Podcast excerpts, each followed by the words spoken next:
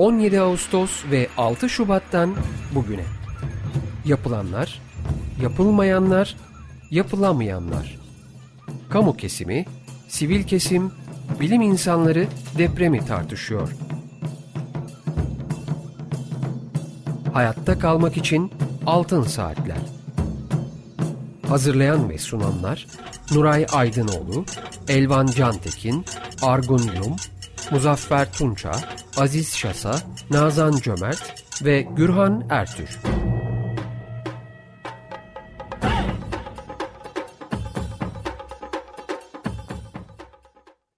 Açık Radyo'da Altın Saatler programındayız. Bugünkü programı Mehmet Nuray Aydınoğlu, Aziz Şasa, Elvan Cantekin, Muzaffer Tunça ve ben Gürhan Ertür birlikte sunuyoruz. Teknik Masada ise Berke Akmeşe sesimizi sizlere ulaştırıyor. Telefon numaramız alan kodu 212 343 40 40. Elektronik posta adresimiz açıkradyo.com.tr Altın Saatler programlarının ses kayıtlarını Açık Radyo'nun internet adresinde podcast bölümünde dinleyebilirsiniz. Bugünkü programımızın destekçisi Haluk Arı'a teşekkürlerimizi iletiyoruz. Efendim bugün konuğumuz İnşaat Mühendisleri Odası Yönetim Kurulu Başkanı Taner Yüzgeç. Hoş geldiniz programımıza Taner Bey. Merhaba. Merhabalar, hoş bulduk. İyi yayınlar diliyorum. Teşekkür ediyorum. Sağ olunuz efendim. Çok teşekkürler. Ben kısaca sizi tanıtmak istiyorum. 1989 yılında Orta Doğu Teknik Üniversitesi İnşaat Mühendisliği bölümünden mezun oldu Taner Yüzgeç. 1992 yılına kadar özel bir firmada altyapı konusunda çeşitli kademelerde görev yaptı. 38. 39. 40. ve 43. dönem o da yönetim kurulu başkanlığı görevlerinde bulundu. Şu anda 47. dönemde İnşaat Mühendisleri Odası ve yine Taner Yüzgeç yönetim kurulu başkanı olarak görev yapıyor. Halen kendi firmasında üst yapı alanlarında taahhüt işleri ile e, ilgileniyor. Evli ve bir çocuk babası. Efendim tekrar hoş geldiniz programımıza. Muzaffer Tunça, Aziz Şasa, Nuray Hocam, e, Elvan Cantekin sizler de programa hoş geldiniz. Hoş bulduk, merhaba. Evet, e, yarın 17 Ağustos Körfez depreminin yıl dönümü. E, bizim programımızın da başlangıç noktası diyebiliriz. Ben sözü hemen Nuray Hocam'a veriyorum. Teşekkür ederim. E, Taner Bey e, programımıza hoş geldiniz. E, e, konumuz e, Gürhan Bey'in de belirttiği gibi tabii e, yarın 24. yılını idrak edeceğimiz e, 10, 17 Ağustos depremi. 17 Ağustos 1999 depremi. E, 24 yıl geçti. E, çok büyük bir depremdi. Çok katastrofik sonuçları olan bir depremdi. 24 yıldır bu depremi e, tartışa dururken e, ve bir sürü sorunu çözememiş iken bir de e, bu yılın başlarında 6 Şubat'ta e, ülkenin güneydoğusundaki pek çok ili kapsayan çok daha büyük bir depremle karşı karşıya kaldık.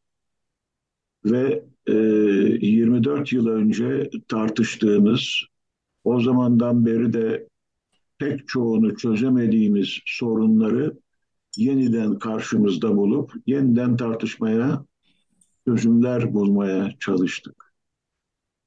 Bu 24 yılda hiç şüphesiz çok şey yapıldı bir açıdan bakarsanız. Ama alınan sonuçlar nedir? Bunları bu vesileyle tekrar gözden geçirmek istiyoruz. Ee, pek çok toplantı yapıldı, raporlar hazırlandı, şuralar toplandı. Ee, kağıt üstünde pek çok çaba gösterildi. İnşaat Mühendisleri Odası da bu bağlamda çok çalışmalar yaptı, bunu da biliyoruz. Ama özellikle e, 6 Şubat depremlerinden sonra ortaya çıkan manzara bu işte hala ne kadar geri kaldığımızı 24 pardon 17 Ağustos'tan bu yana yaptıklarımızın aslında çok sınırlı olduğunu bize gösterdi. Bu programda e, bunları tartışmak istiyoruz ve özellikle inşaat mühendisleri camiasının en üst e, meslek örgütünün e, bir temsilcisi olarak sizden e, mühendis gözüyle ve e, inşaat mühendisleri odasının gözüyle olaya nasıl yaklaştığınızı, neler yaptığınızı, neler yapamadığınızı e, öğrenmek istiyoruz ve bunları tartışmak istiyoruz önümüzdeki 50 dakika içinde. Evet Taner Bey sözü size vermek istiyorum. Teşekkür ediyorum hocam. Ee, mümkün olduğu kadar e, kısaca toparlamaya çalışacağım bu e, 50 dakika aslında koca bir 20 yılı değerlendirmek açısından e, oldukça kısa gibi gözükse dahi e, aslında e, aslında belki de hani e, kısaca e, meseleleri e, şöyle başlıklarıyla birlikte bir e, gözden geçirme şansını e, veriyor gibi. Şimdi e, evet 17 Ağustos'un üzerinden 24 e, yıl geçti ve çok büyük sizin de ifade ettiğiniz gibi çok büyük bir e, e, yıkım getirdi 17 Ağustos. E, yaklaşık 20 bin civarında yurttaşımız hayatını kaybetti. 50 e, bin civarında bunlar resmi rakamlar e, yaralanmaya sebebiyet verdi. 113 bin civarında yıkık ve ağır hasarlı olmak üzere e, toplam 360 bin bina hasar gördü. E, ve 99 e, depremlerinin e, e, ekonomideki etkisi o dönemin rakamlarıyla işte 20 ila 50 milyar dolar civarında e, bir e, toplam ekonomik e, kayba sebebiyet verdiği söylenmekteydi ve 2001 krizinin de temellerinden birisinin bu deprem olduğu e, genel olarak ifade ediliyor e, idi bu bu 20 yıl e, zaman zarfında. E, 24 yıllık zaman zarfında. Evet döndük geldik e, 2023'e ve 6 Şubat Kahramanmaraş depremlerini e, ve 20 Şubat Hatay depremini yaşadık. Bunlar aslında birbirleriyle bağlantılı e, depremler olduğu ifade ediliyor. E, ve sonuç itibariyle bölgedeki yıkımın e, ve hasarın yaygınlaşmasına sebebiyet veren ardarda yaşanmış üç tane deprem, üç tane e, çok şiddetli deprem. E, şimdi e, e, 6 Şubat'ın etkilediği alana baktığımız zaman e, 11 il e, e, bölgeleriyle birlikte etkilendi ve üç aşağı beş yukarıda ee, bugün beklediğimiz, beklenen daha doğrusu e, riski her geçen gün artan İstanbul veya Marmara depremiyle alakalı olarak e, hacmen 3 aşağı 5 yukarıda aynı olduğunu görebiliyoruz. Her ne kadar yaygınlığı e, yani 11 ile etkilemiş olsa bile yaklaşık 12 milyon civarında insanın yaşadığı bir bölge e, ve e, hasar olan e, hasar yapısı itibariyle de e, zaten 17 Ağustos depreminin birkaç katı e, niteliğinde yani e, depremin büyüklükleri itibariyle de e, 17 Ağustos'tan büyük. E, ama sonuçları itibariyle de e, birkaç katı büyük. İşte resmi rakamlara göre 50 bin kişinin fazla insanın öldüğü, e, e, deprem anında 36 bin civarında insanın özür diliyorum e, yapının yıkıldığı ve e, e, 311 bin civarında da yapının e, e,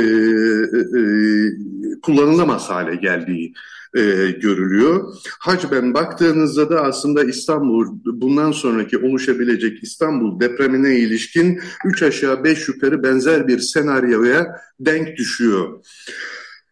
E, dolayısıyla dönüp e, meseleye bundan sonra yaşanabilecek depremler gözüyle bakarsak ki e, e beklentisi ve dolayısıyla da korkusu çok daha büyük e, sebebiyetlere veri, e, vermesi sebebiyle daha büyük korkulara e, e, vesile e, olan veya bizi e, sevk eden e, İstanbul depremi e, ne ilişkin bize bazı sonuçları da gösteriyor bu e, e, 6 Şubat depremleri. 99 e, depreminden sonra e, yer bilimciler e, işte 2030'a kadar yüzde 64 civarında bir olasılık ile işte 7.2 ile 7.6 arasında bir deprem olma olasılığından bahsediyorlardı. Marmara Marmara'daki fay hattında ve dolayısıyla birinci derecede etkilenecek bölge olan İstanbul için. Çok yüksek bir oran tabii ki bu oran. Bu e, 99'un hemen akabinde dillendirilmeye başlanılan bir şey ama artık geldik e, 2023'e. Yani e, 2030'a şunun şurasında 7 yılımız kaldı. Hadi 2030'da olacak diye bir kavram yok ama ben e, olasılığın e, güçlülüğü itibariyle söylüyorum. 2040, 2045 ve ben e, ne zaman olacağı belli olmayan ama çok yakın bir zamanda beklediğimiz belki yarın, belki e, 5-10 yıl içerisinde belki bir büyük depremle yani 99 e, depremini e, her yıl anıyor ve e, hafızalarda canlı tutmaya çalışıyoruz. Fakat bir biçimiyle belki de ezberlediğimiz, ezberimizde kalan pozisyonda ifade ediyoruz ama 6 Şubat'la birlikte bunun ne kadar büyük bir tehdit ve tehlike olduğu tekrar kamuoyunun e, ve idarecilerin, siyasilerin, e, yöneticilerin e, bir daha aslında ve toplumun kamuoyunun e, aslında e, nasıl diyeyim kendisine dayattığı, e, e, gözüne soktuğu te tehdidin ve tehlikenin büyüklüğünün. Yapılan işlerin, yapılması gereken işlerin ciddiyetini ve önemini tekrar bize e, anımsattı. 24 yıl boyunca aslında e, çok temel bir prensip var e, depreme e, depreme karşı e, e, hazırlıklarda. Birincisi en temel prensip e, riskleri azaltma. İkincisi de e, depreme hazırlıklı olma. E, depreme hazır riskler ne kadar ne kadar hazır e, azaltılır ise depreme hazırlık, deprem e, sonrası müdahalelerde ise e, etkinlik ve etkililik o kadar e, başarılı sonuçlar doğurabiliyor. Gene 6 Şubat depremleri gösterdi ki risklerin zaten mevcut riskler biliniyor idi. Risklerin gerçekleşmiş olması e, deprem sonrası müdahaleleri de artık aslında imkansız hale getirmiş oldu. Neydi bu riskler? En temel olarak aslında risk meselesine baktığımızda e, yapılaşma karakteri. Yapının e, yapısal güvenlik, kentsel güvenlik meseleleri. E, 2021 yılında yani e, İzmir depreminden sonra 2020 e, e, Sisam depreminden sonra 2021 yılında yayınlanmış bulunan Türkiye Büyük Millet Meclisi e, deprem araştırma raporuna göre Türkiye'de 10 milyon civarında e, e, yapı var. Ve gene o raporda e, zikredildiğine göre yaklaşık 6-7 milyon civarında da riskli yapı var. Bu riskli yapının yani Türkiye'deki 10 milyonluk yapı stoğunun e, yüzde yaklaşık 80'i yani 8 milyon civarındası 2000 yılı öncesi daha doğrusu 98 deprem yönetmeliği öncesinde yapılmış yapılar. Ve bunların da e, üç aşağı beş yukarı e, bunlar tabii e, istatistiksel olarak e, tah, e, tahmin ediliyor. E, 6 ila 7 milyon civarında yapının risk taşıdığı ifade ediliyor bu deprem e, raporunda. Şimdi karşınızdaki e, e, büyük potansiyeli, risk taşıyan potansiyeli e, bu haliyle bir görmemiz lazım.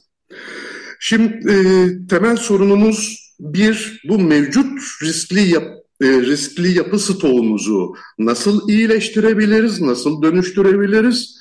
İkincisi ise risk azaltma yöntemleri itibariyle söylüyorum. İkincisi ise yeni yapılaşmalarda, yeni yeni bina üretimlerinde ki her yıl yaklaşık 100 bin civarında e, e, yapı e, e, e, inşaat ruhsatı alınıyor. Yani her yıl 100 bin ilave mevcut yapı stoğumuza yapı ekleniyor. Ortalaması tabii ki bu. Ee, bir de bunların nasıl güvenli olarak e, inşa edilmesi e, edileceği meselesi. 99 e, seçim 99 şeyinden sonra depreminden sonra yeni yapılaşmalar yeni yapılaş yapılaşmaya yönelik çeşitli önlemler alınmaya çalışıldı. Bu ayrı bir tartışma konusu. Bunun başında işte ne bileyim malzeme kalitesinin yükseltilmesi doğrultusunda önlemler veya zorunluluklar bu hazır betondu e, gibi e, e, daha kaliteli çeliğin kullanılması e, doğrultusunda e, e, e, alınan karar ve önlemler. Bunun yanı sıra e, şeyler e, e, e, bir denetim sisteminin, denetim mekanizmasının daha da iyileştirilmesi doğrultusunda e, çeşitli e, faaliyetler bunun başında da zaten yapı denetim kanunu geliyor ve o, o doğrultuda yapılan yapı denetim faaliyetleri geliyor. Böyle bir e, önlemler alınmaya çalışıldı. Ancak riskin büyük olduğu kısımda olan şeye ilişkin e, bu e, riskli yapı stoğunun 6-7 milyonluk riskli yapı stoğuna ilişkinde çok e, müdahil olunabildiği ne yazık ki söylenilemez. E, şimdi e, geçtiğimiz e, Mayıs ayı içerisinde gene bu deprem 6 Şubat depremlerinin sonrasında e, gene meclis e, bir komisyon kurdu ve bu bir rapor yayınladı. E, ve bu rapora göre de e, 24 yıl içerisindeki özellikle aslında bunu e, 24 yıl olarak söylememek lazım. Belki 2012 yılından itibaren çünkü kentsel dönüşüm e, kanunu çıkarıldı ve e, daha müdahale edilmeye çalışıldı bu e, riskli yapı stoğuna. Dolayısıyla 2012'yi baz almak belki mümkün olabilir. E, 12, 2012 yılından bu yana e, ülke genelinde 238.316 yapının yıkıldığı e, ve e, yerine e, e, yeni yapıların e, ortaya çıkarıldığı e, ifade ediliyor. Buna baktığınızda bu 6-7 milyonluk şey içerisinde yaklaşık yüzde 3 ya da 4'lük bir e, bir dönüşüm söz konusu olmuş riskli yapılarda. Aynı durum İstanbul için de 3 aşağı 5 yukarı e, geçerli. İstanbul'da da yaklaşık 1,5 milyonluk bir yapı stoğu var ve bunun e, gene işte resmi ağızlardan ifade edilen riskli e, e, bölümü 600 bin civarında. E, yani 600 bin binanın e, riskli olduğu tespiti gene istatistiksel yöntemlerle ifade ediliyor. Kentsel dönüşüm e, projelerinin sonucunda yenilenmelere baktığımızda ise e, 81.228 binanın yıkıldığı e, ve yenilendiği e, ifade ediliyor gene e, Meclis Araştırma Komisyonu raporuna göre. Buna göre e, İstanbul'daki yenilenme oranı yüzde 12-13 e, civarında kalıyor. Şimdi aynı, eğer aynı yöntem ve aynı hızla gidersek İstanbul'da yapılaşmanın, güvenli yapılaşmanın sağlanabilmesi için yaklaşık 80 yıllık bir zaman dilimi e, olduğunu görüyoruz eğer bu yöntem e, ısrar eder ve devam eder isek. Şimdi e, tabii bunlar aslında yapılmış olan şeyler bir, bir, bir biçimiyle hani e, e, hiçbir şey yapılmadığının karşılığı olarak genel olarak resmi e, yetkililerin işte şu kadar şey yaptık şunu yapacağız örnek vererek e, söyledikleri rakamlar. Ama yaklaşık 24 yıllık geçmişi bulunan e, yani depremden bu yana 24 yıllık bir süreç içerisinde e, yapılan yapılması gerekenlerin yüzde 13-14 civarında kalmış olması bile bize bazı işte kaygı uyandıran e, geleceğe ilişkin kaygı uyandıran bir durum olarak karşımıza çıkıyor. Şimdi e, bu yenilenen yapılarda 81 bin İstanbul için söylüyorum. 81 bin 228 e, yapının yapıda 381 bin 214 konut bulunmaktaymış ve aynı zamanda da 53 bin 942 iş yeri bulunmaktaymış.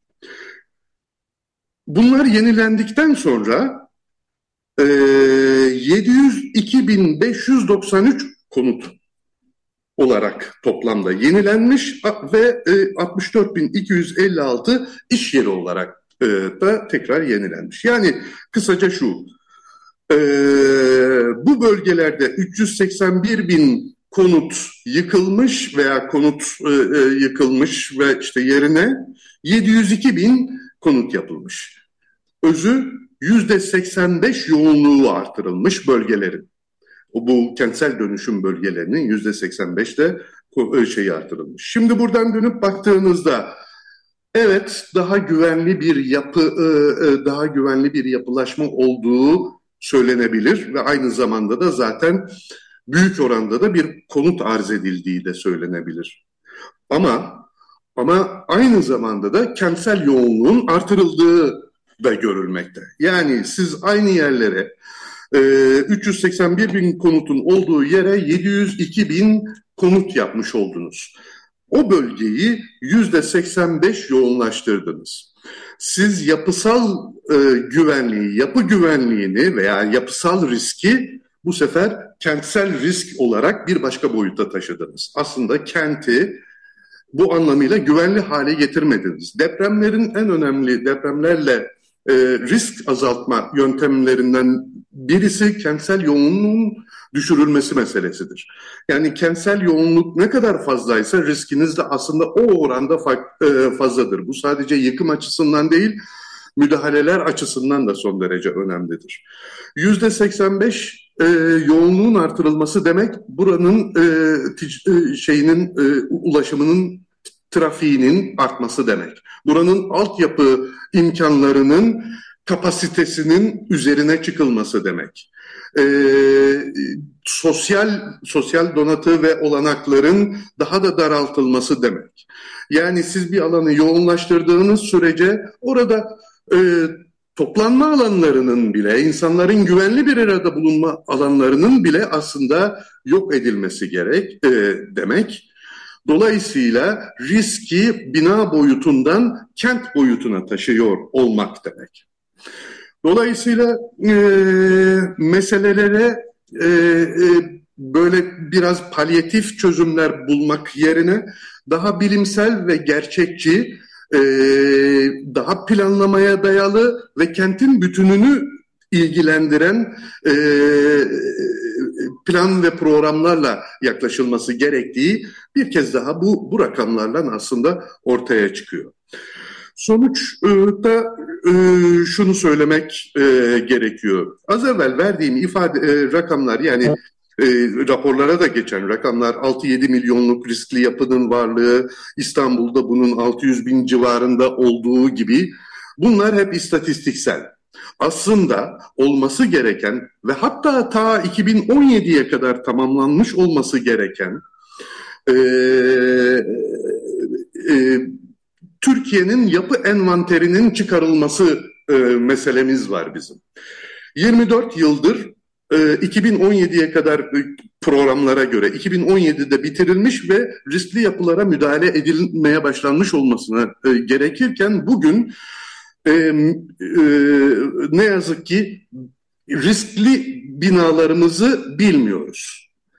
Bu e, il risk azaltma planları çerçevesinde bugün belediyelere e, e, e, belediyelere pas edilmiş durumda ama e, onlarda el yordamıyla ve birbirinden çok farklı yöntemlerle bir şeyler yapmaya çalışıyorlar ama çok cılız. Bu Halbuki 2017 yılı itibariyle Türkiye'de kaç yapı var, kaç tanesi riskli, kaç tanesi e, e, acil dönüştürülmesi gerekir, acil müdahale gerekir. Bunların bilinmesi gerekirdi. Bunlar bile bilinmiyor. Şimdi bunları bilmediğiniz sürece bunlara müdahale de edemezsiniz.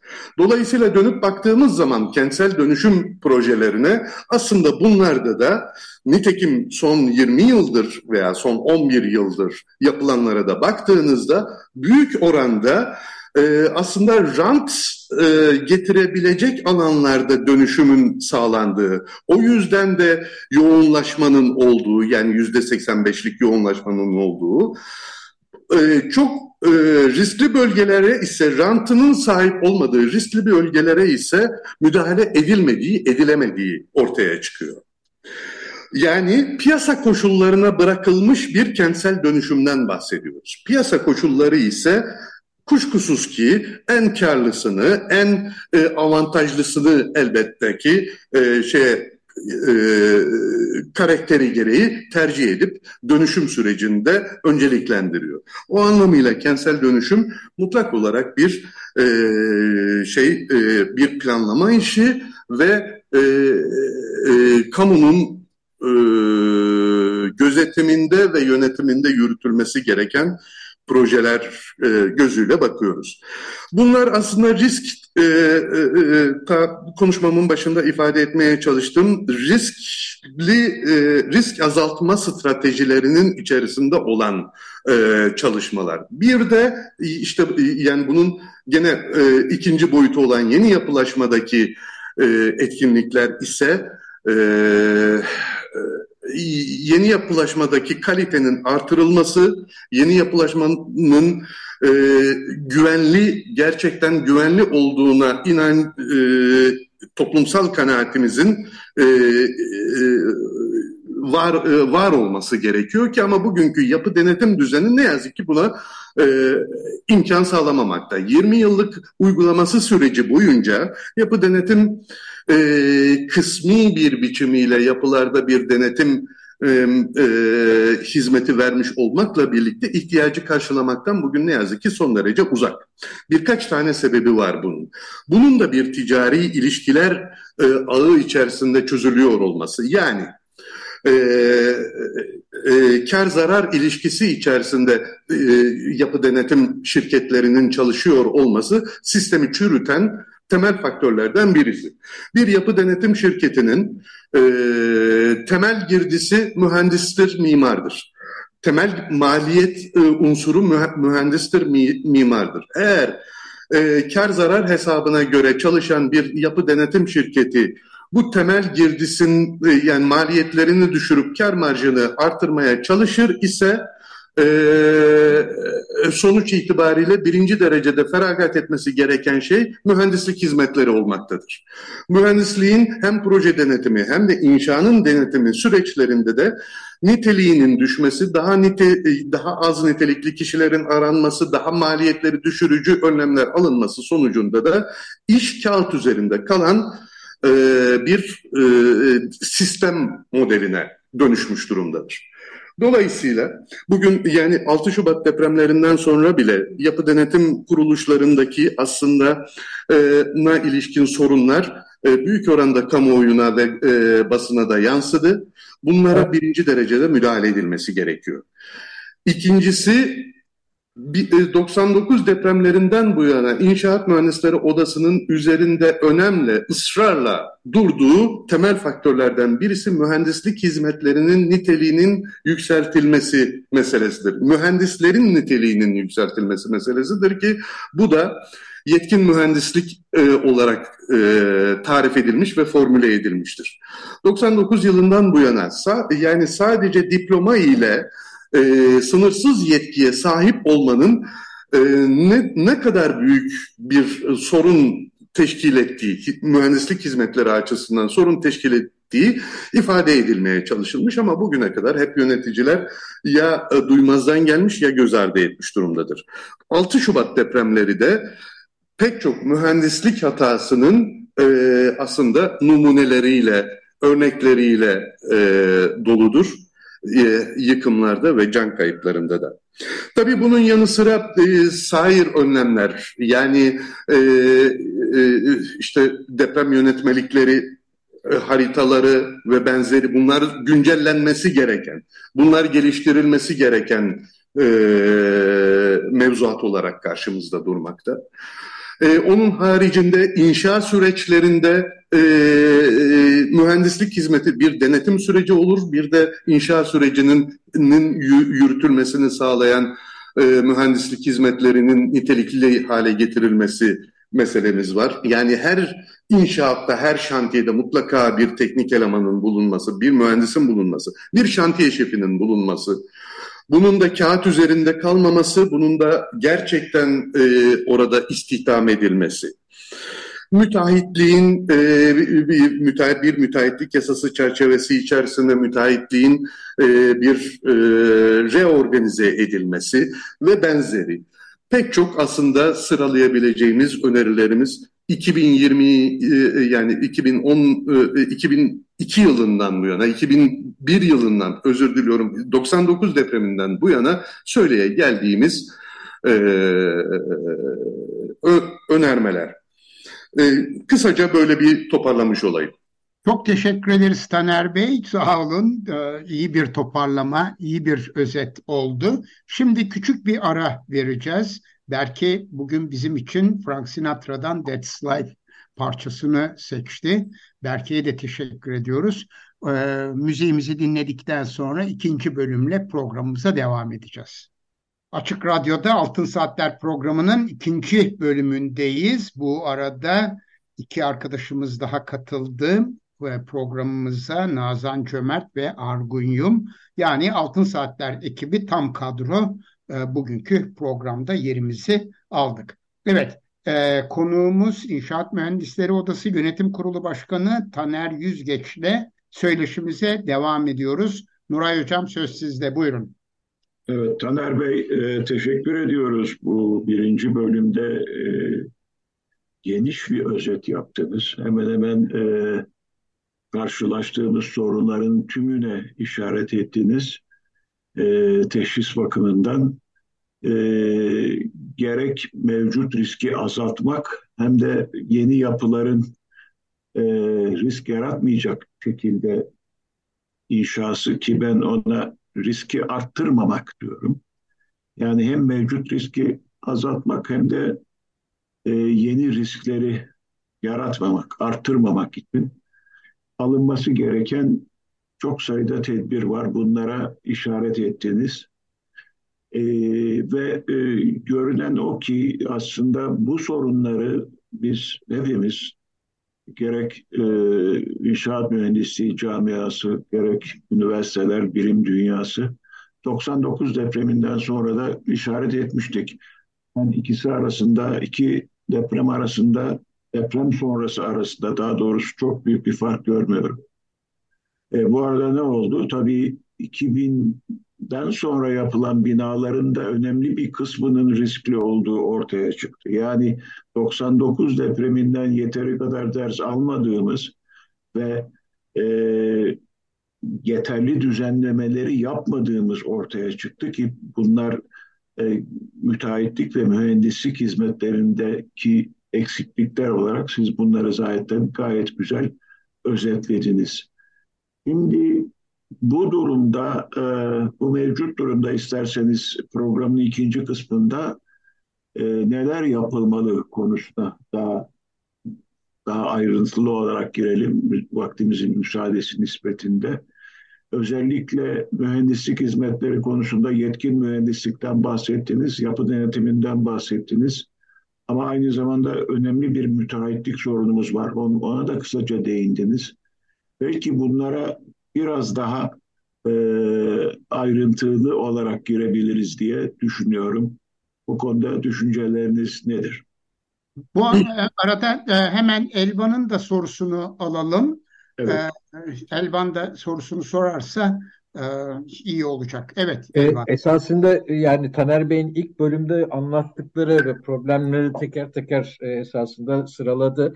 E, oradan gördüğümüz bizim e, bir e, bir genel bir e, yaklaşımın e, ihtiyaç olduğu ortaya çıkıyor. Yani mühendislik e, eğitimi dediğiniz zaman ve afet e, yönetimi içerisinde ihtiyaç duyduğumuz işte e, daha e, e, kaliteli mühendislik eğitimi dediğimiz zaman bunu bir milli eğitim e, problemi. Üniversitelerle ilgili bir problem. Ondan sonra işte şehirlerin yoğunlaşması dedi çok önemli bir konu. E, hep deprem diye afet düşünüyoruz ama e, çok daha başka şeyler de var. E, tehlikeler de var şehirlerimizi etkileyen. Şehirlerdeki yoğunluk bu Çevre ve Şehircilik Bakanlığı'nın e, ilgisine giren bir şey.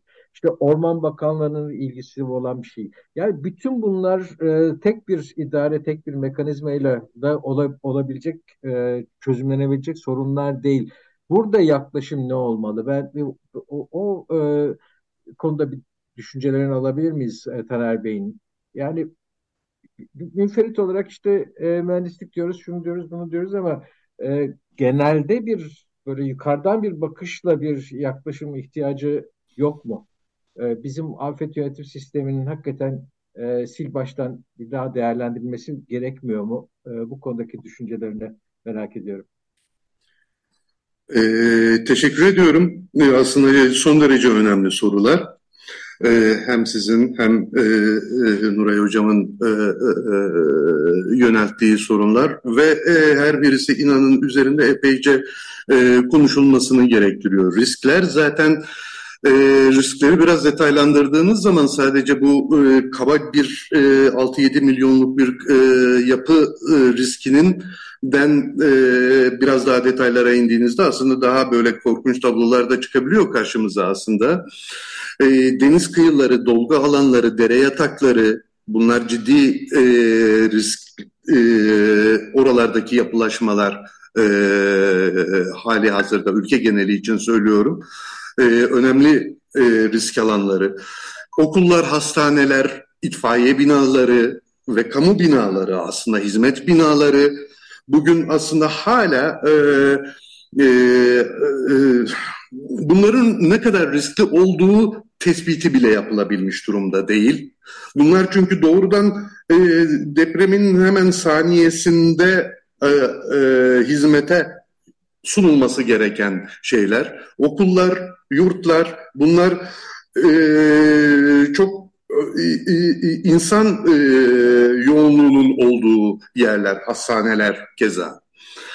E, ulaştırma yapıları zaten, su yapıları, altyapı şebekeleri, su arıtma tesisleri, doğalgaz enerji ve haberleşme ağları, e, bunların risk e, e, riskleri tarif e, tanımlanmalı ve bunlar aslında hep şu, e, bu 6 Şubat depremlerinde bu alanlarda yaşananlar da e, yıkımlar kadar yani e, can kayıpları kadar önemli oldu ve müdahaleyi zaten geciktirdi, müdahaleyi imkansız hale getirdi ve dolayısıyla can kayıplarının artmasına sebebiyet veren şeyler oldu ve ondan sonraki zamanlarda da e, hatırlayın gene 6 Şubat'ın bu 6 aylık zaman dilimi içerisinde işte su sorununun yaşanmış olması, e, işte ulaşım sorununun yaşanmış olması, haberleşme sorunlarının yaşanmış olması ve hala da yaşanıyor olması aslında e, olayın ne kadar e, aslında son e,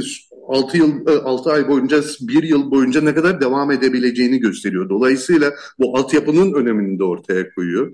Tarihi ve kültürel yapıların aslında ne kadar büyük riskler altında olduğu ve yani bir kent sadece insanların bir arada e, yaşadıkları bir alan değildir. Onun tarihsel, kültürel e, boyutlarıyla bir kenttir. Bir kent kültürü böyle oluşur. Bir toplumun kültürü böyle oluşur. Tarihinizi ve kültürü, e, kültürel yapılarınızı ortada kaybederseniz e, o yap, e, toplumsal hafızanızı da kaybedersiniz aslında. E, kentlerdeki benzin istasyonları, yanıcı, zehirleyici ve kirletici maddelerin işlendiği, e, depolandığı, dağıtıldığı alanlar, yerler. E, bunlar ve bunlar da büyük oranda da hep kentte çok iç içe bölgelerde oluyor zaten. Bunlar hep birer risk, risk, risk. Yani riski daha da bir detaylandırmak gerekiyor zaten ve bunlara karşı da yani bunlara e, bunların önlemleri de her birisi için de ayrı ayrı önlem mekanizmaları yeni, e, e, e, gerektiriyor. Tabii bunların hepsi de dönüyor, doluş, dolaşıyor. E, aslında e, sağlam, kararlı ve istikrarlı bir siyasi iradeyi gerektiriyor. Yani kamunun ihtiyaç ve menfaatlerini gözeten, meseleye bütüncül ve bizim bilimsel bakabilen bir politik anlayışın e, olması gerektiğini bize karşımıza çıkarıyor. Yani olay bütünüyle aslında politik bir e, şey meselesi. E, meseleye yaklaşım meselesi, irade meselesi. Şimdi siyasi kadroların mes e, mesele siyas siyaset alanının meselelere yaklaşımı bugüne kadar hep şöyle ola geldi.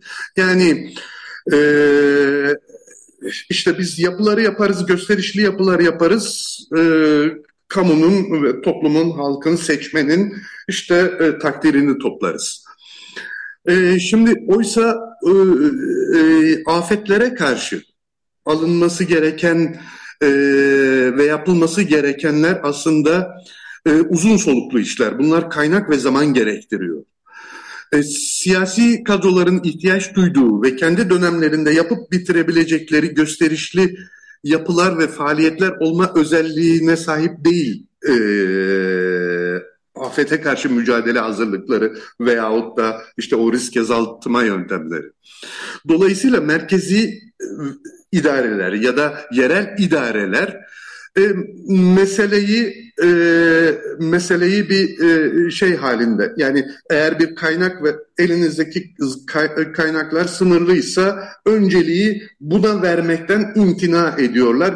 İşte gösterişli yapılar, gösterişli faaliyetler, gösterişli yani üstelik çoğunluğu da ihtiyaç dışı e, yatırımlar olmak üzere söylüyorum. E, bundan kurtulunması lazım. Bu bir politik bakış açısı ifade etmeye çalışıyorum. İkincisi zaten en temel olarak e, söylüyorum. Meselenin bu, bu türlü meselelerin kar zarar ekseninden çıkarılması gerekir. Bütün e, başta özellikle denetim faaliyetlerinin, ikincisi kentsel dönüşüm faaliyetlerinin bir kar zarar endeksinden, e, endeksinden çıkartılıp e, kamunun e, doğrudan yani bunların birer kamusal hizmet olduğu, bunu illa kamu aracılığıyla yapılması, kamu eliyle yapılması gerekmiyor ama zihniyetin kamusal olması gerektiği. Dolayısıyla mevzuatın buna göre yenilenmesi gerekiyor. Ee, e, diğer bir boyut tabii ki organizasyonel boyut. Organizasyonel esnek olmak, organizasyonlar esnek olmak zorunda. Gene 6 Şubat e, bize e, evet bir e, AFAD gibi bir e, devasa bir kuruluşun varlığını biliyorduk, görüyorduk ama e, sürece müdahalesinde ne ölçülerde e, ne kadar zayıf kaldığını da aslında burada gör, görmüş olduk. Dolayısıyla e, daha esnek, daha yerele yatkın, yerele yerellerden örgütlenilmiş ama koordineli, ama planlı, planları defalarca defalarca test edilmiş, defalarca defalarca planların e, işte tatbikatları yapılmış. Bu, bu iş aslında bir savaş gibidir. Yani nasıl ki e, barış dönemlerinde as, e, sizin askeri kuvvetleriniz savaşa hazırlık e, şeyleri yaparlar, e, tatbikatları yaparlar, organizasyonlarda sürekli gözden geçirirler, yeni, yenilerler. E, afetle mücadele de böyledir. Yani e, toplumun bilinçlendirilmesi kavramı bile, afete karşı bilinçli bir toplum yaratılması bile e, başlı başına ele alınması gereken ve e, kağıt üzerindeki e, işte geçtiğimiz senenin 17 Ağustos'u zamanını hatırlayın bir bir bakan gene çıkıp e, yani mem, e, memleket genelinde bir afet e, şeyi gösteri e, afet tatbikatı gösterisi yapmış idi. Bu türlü göstermelik şeylerin dışında, e, faaliyetlerin dışında yaklaşılabilmeli e, meseleye. O anlamıyla da zaten bu iş bir politik kararlılık ve irade gerektiriyor. Tabii diğer bir boyutu ise aslında e, imar düzeni. Yani yani rant odaklı imar düzeni yapılaşmada kuralsızlığın ve cezasızlığın hakim olması, kaçak yapılaşmanın önünü açan e, ve bunun sonucunda da aslında imar aflarını zorunlu hale getiren bir e, şeyimiz var. Bir imar düzenimiz var. Ve bir de bunun üzerine e, işte bir cezasızlık, bir e, işte hatta görmezden gelme gibi bir şey olur ise üstelik bunu da yani güçlü kesimleri düşünün. İşte politik olarak güçlü kesimler sermaye e, olarak güçlü kesimlerin inşaatlarına bir yandan göz yumduğunuzda onların hatta böyle e, önünü açan düzenlemeler yaptığınızda e siz çürümeyi baştan e, yaratıp topluma yaygınlaştırıyorsunuz demektir ve onun akabinde de herkes bir biçimiyle binasının bir tarafına kaçak eklenti evet. şu bu falan e, yapma pozisyonuna geliyor. E, dolayısıyla yani imar meselesi ciddiye alınması ve ciddiyetle uygulanması kural e, gereken bir kurallar silsilesi. Bunun esnetilmemesi, bunun e, işte göz yummalara, kaçaklaş, e, kaçak yapılaşmaya veya kaçağa göz yummaya engelleyen e, tutumlar e, alınmak durumunda. E, yani e, meselenin bütüncül olarak e, baktığınızda yani sağlıklı bir kent yarattığınızda aslında risklerden uzak bir kent de yaratıyorsunuz. Sağlıklı bir kent aynı zamanda sağlıklı bir toplum açısından da öyle. Bu yapısıyla da öyle, kentin genel e, imarıyla da öyle. Dolayısıyla aslında afetle mücadelenin de önemli ayaklarından, önemli şeylerinden birisi haline geliyor. Ama bugün inşaat sektörünün ve özellikle konut arz şeklinin e,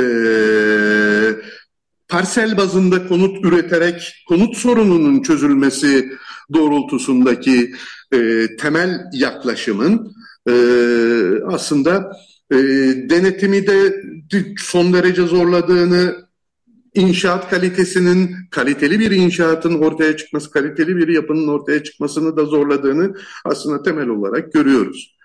Onlara sebebiyet veriyor, veren faktörlerdir diye düşünüyorum. Varsa başka sorunuz, daha doğrusu böyle bir toparlamış olayım. Eksik, eksik bıraktığım bir şey varsa Evet Nuray Hocam. Ha, Nuray gayet, gayet güzel toparladınız. Tabii şimdi konular e, hakikaten özellikle imar mevzuatı e, çok haklı olarak e, çok doğru teşhislerde bulundunuz.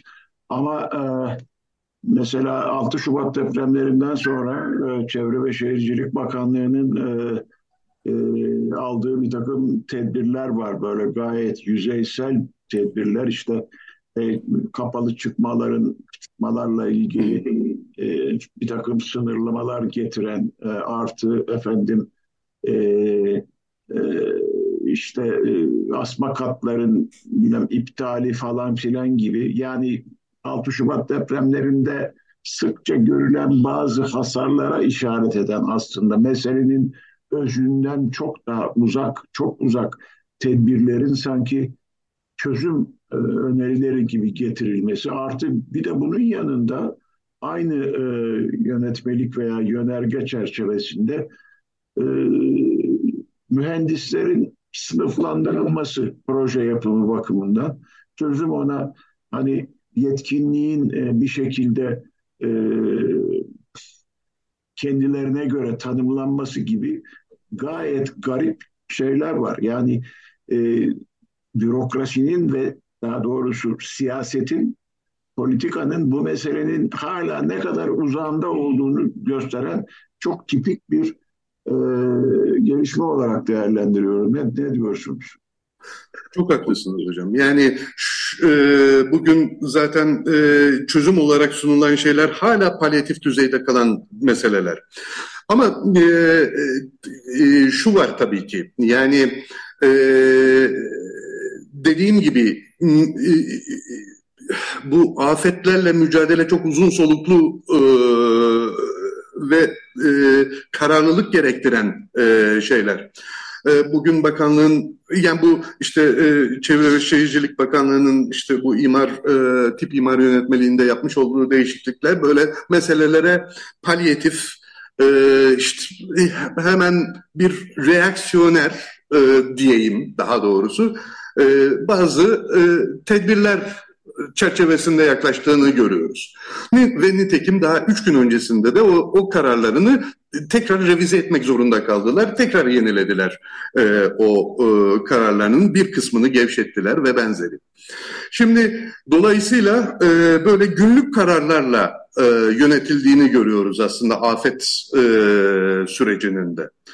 E, e, e, ve burada en temel faktör tabii ki katılımcılık, katılımcılık, katılımcılıktan uzak olunması. Katılımcılığın e, e, yani hala e, işte ben yaptım e, veyahut da işte bir grup insana şunu yaptırdım e, ve bu böyle e, bir rapor ya da işte bir e, plan e, çıkarttım, bunu uygulayacağım dayatması e, ne yazık ki ortadan kalkmış değil. 20 yıldır e, görülen bu durum hali hazırda da aynı şekilde devam etmekte gibi gözüküyor.